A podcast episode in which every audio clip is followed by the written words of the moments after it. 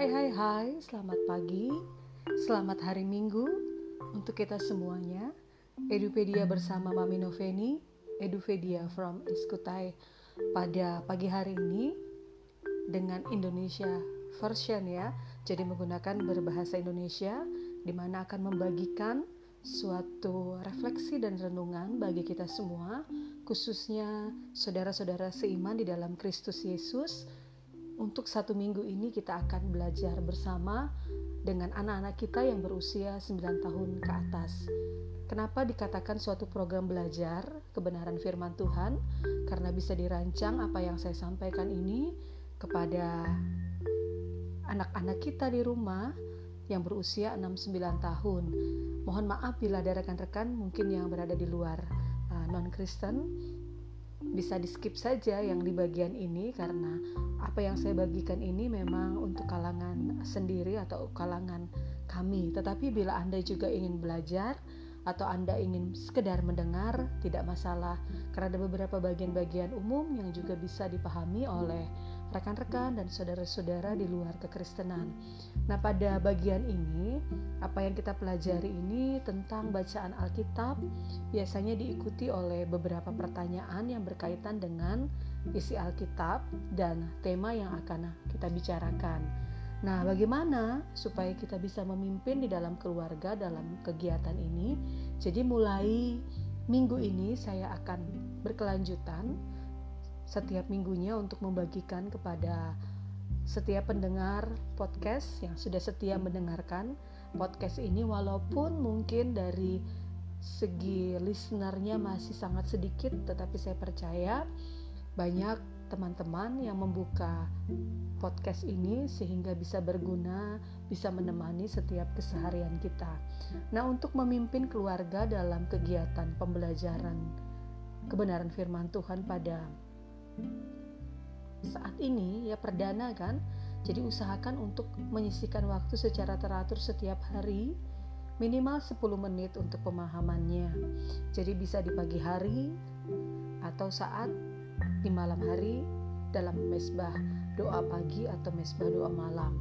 Dan untuk mengetahui perkembangan setiap keluarga catat tanggal setiap kita menyelesaikan di dalam topik-topik yang ada. Jadi nanti teman-teman silakan mungkin mau mencatatnya melalui apa yang disampaikan, silahkan atau mendengarkannya dulu sebagai uh, masukan, sebagai informasi dan wawasan.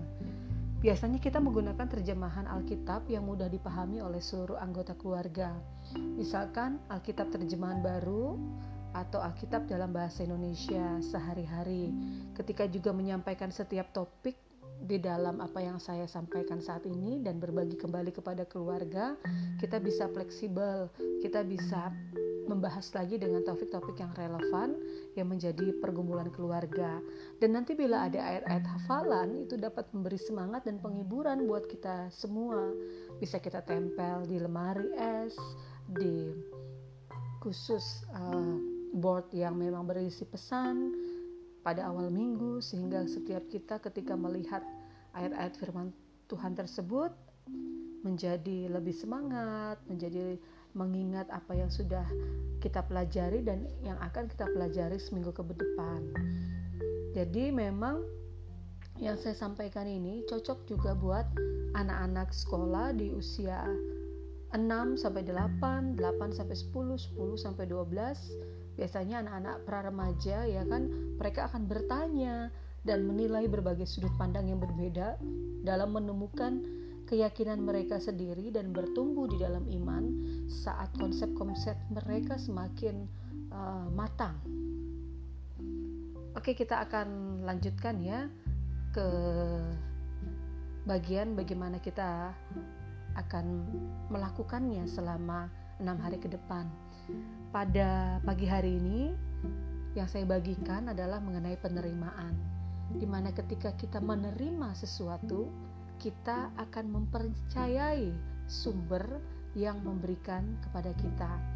Nah, suatu saat ya pasti kita sering atau pernah mendapatkan sesuatu dengan mudah dan dengan penuh sukacita kita menerimanya. Contohnya, seperti kita diberi sebuah kado yang dibungkus dengan kertas yang indah dan pita yang berwarna cerah. Kita tentunya sangat menghargai hadiah yang menghangatkan hati kita. Benar?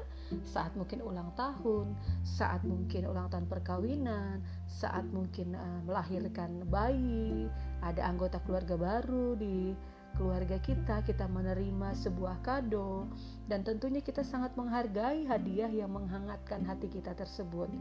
Bentuk pemberian itu berupa persahabatan juga bisa, berupa keluarga juga bisa, berupa kasih, berupa masyarakat sekitar, berupa anak-anak kita yang tumbuh dengan sehat, anak-anak kita di tempat bermainnya ketika bersama dengan teman-temannya. Hadiah itu juga bisa suasana ketika matahari terbit dan terbenam, lalu juga bisa ada kedamaian di dalam diri kita. Tetapi apa yang terjadi, teman-teman semuanya, bila di dalam hidup kita ini disentuh oleh hal yang lain seperti atau irama kehidupan yang lain seperti pergumulan, kekecewaan, kehilangan, kepedihan, kesusahan dan penderitaan. Tentunya kita merasa pada saat-saat itu kehidupan kita tampaknya begitu berat untuk dijalani, begitu berat untuk ditanggung, dan begitu sukar untuk dipahami. Tetapi satu hal yang perlu kita percayai dan kita yakini dan memang ya setiap kita tidak terlepas dari beban-beban hidup, tidak terlepas dari bentuk-bentuk pergumulan, kekecewaan. Tetapi satu sisi kita bisa tahu bahwa di tengah-tengah apa yang kita hadapi, di tengah-tengah permasalahan yang kita lewati, sekalipun Allah memang memberikan karunia-karunia kepada kita, di situ kita bisa melihat pertolongan Tuhan begitu luar biasa untuk bisa menghadapinya. Dan bersyukur bila tanpa diduga, tanpa dinyana ada seorang sahabat, sekelompok sahabat, saudara, keluarga yang memberikan penghiburan dan penguatan kepada kita dan akhirnya menjadi dekat dengan kita dan akhirnya juga mungkin ada keluarga, teman-teman baru, tetangga-tetangga kita yang memberikan penguatan kepada kita di saat kita mengalami kekecewaan, kehilangan, kepedihan atau pergumulan hidup. Sisi-sisi tajam tersebut di dalam hidup kita akhirnya nanti bisa diperhalus teman-teman oleh kasih sayang dan hati yang bijak kecenderungan kita untuk mengkritik orang akhirnya akan dilembutkan dan kita pun menjadi lebih siap untuk menjangkau orang lain yang dalam kesusahan.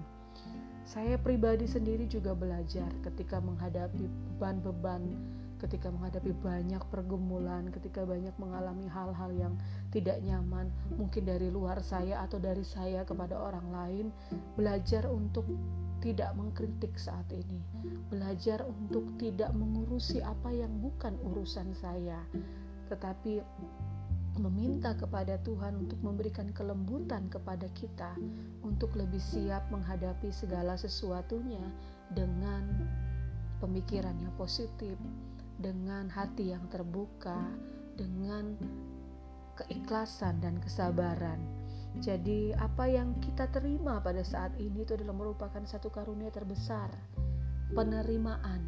Kita mempercayai sumber yang memberikan kepada kita itu. Ini adalah karunia, teman-teman, karena penerimaan ini adalah ketika kita dipanggil untuk menjadi pemberi dan dipanggil untuk mendekat kepada Allah. Kita dapat menaruh kepercayaan dan keyakinan kita di dalam tangan Allah tanpa rasa takut dan penyesalan. Refleksi buat setiap anggota keluarga yang kalian bisa sampaikan selama seminggu ini, mungkin ada hari-hari yang menyenangkan, ada juga hari-hari yang tidak begitu baik, tidak menyenangkan, dan memang itulah hidup. Ketika hal-hal menyenangkan terjadi di dalam hidup kita, ada pula juga hal-hal yang begitu berat terjadi di dalam kehidupan kita. Di sini diperlukan kemampuan kita untuk menerima hal-hal tersebut untuk dapat terus meneraskan kehidupan kita. Kita masih dapat merasakan kebahagiaan atas hal-hal yang baik dan juga kesedihan, bahkan kemarahan terhadap hal-hal yang tidak begitu baik atau yang menyakitkan hati kita. Refleksinya buat kita pribadi sebagai orang tua, kepada anak-anak kita di keluarga, yang terpenting adalah mengetahui bahwa apa Allah mengasihi kita lebih dari segala sesuatu yang ada di dunia. Allah mengasihi kita di saat-saat terbaik, Allah mengasihi kita di saat-saat terburuk di dalam hidup kita dan Allah menolong kita untuk menjalani semua itu. Mari bersama dengan keluarga kita di hari pertama kita akan membuka di dalam Injil Matius 6 ayat 25 sampai 34. Injil Matius 6 ayat 25 sampai 34 kita belajar bahwa Allah menyediakan segala kebutuhan kita. Hari kedua Injil Yohanes 3 ayat 1 sampai 16. Hari kedua Injil Yohanes 3 ayat 1 sampai 16 bahwa Allah mengasihi dunia ini. Sudahkah kita menerima karunia Allah yang paling berharga? apakah pengaruh karunia pemberian Allah itu di dalam hidup kita? Refleksikan bagian ini bersama dengan keluarga kita. Hari ketiga, Roma 6. Hari ketiga, Roma 6 bahwa kita berada di bawah kasih karunia. Dan hari keempat di dalam 1 Korintus 13 ayat 1 sampai 13 1 Korintus 13 ayat 1 sampai 13 bicara tentang karunia terbesar yang berhubungan dengan kasih. Dan hari kelima 2 Timotius 1 ayat 1 sampai 12. Seperti apakah roh yang Allah berikan kepada kita? Apakah kita merasa takut dan malu dan memohon keberanian kepada Allah? Apakah kita rela menderita demi Injil Kristus. 2 Timotius 1 ayat 1 sampai 12 dan hari yang keenam di dalam Yakobus 1 bahwa setiap karunia yang sempurna datangnya dari Allah sendiri. Itu ya teman-teman semua dari hari pertama sampai hari keenam silakan bisa kalian bagikan kepada keluarga masing-masing sambil ketika menyampaikan kebenaran firman Tuhan itu Coba cari masing-masing mungkin sebagai media sebuah benda di sekitar rumah kita yang dapat mewakili apa yang sudah kita terima dari Allah. Masukkan ke dalam sebuah kotak atau di dalam tas, bungkus dan taruh di atas meja.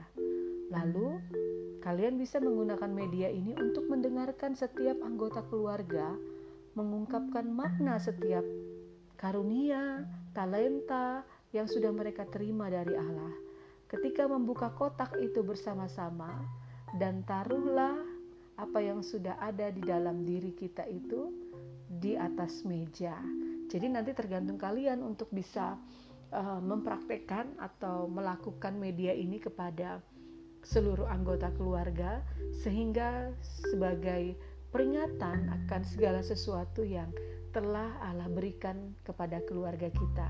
Dan lagi-lagi kita berbicara mengenai media pembelajaran kebenaran firman Tuhan. Kita bicara tentang kebenaran-kebenaran firman Tuhan yang selama enam hari ke depan akan kita pelajari bersama keluarga di dalam bagian penerimaan untuk percaya sumbernya yang berasal dari Tuhan sendiri. Terima kasih untuk mendengarkan podcast ini. Terima kasih sudah bergabung.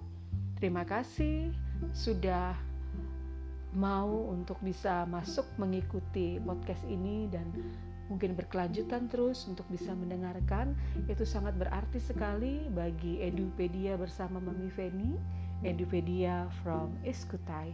Salam sehat selalu Tuhan memberkati kita semua. thank you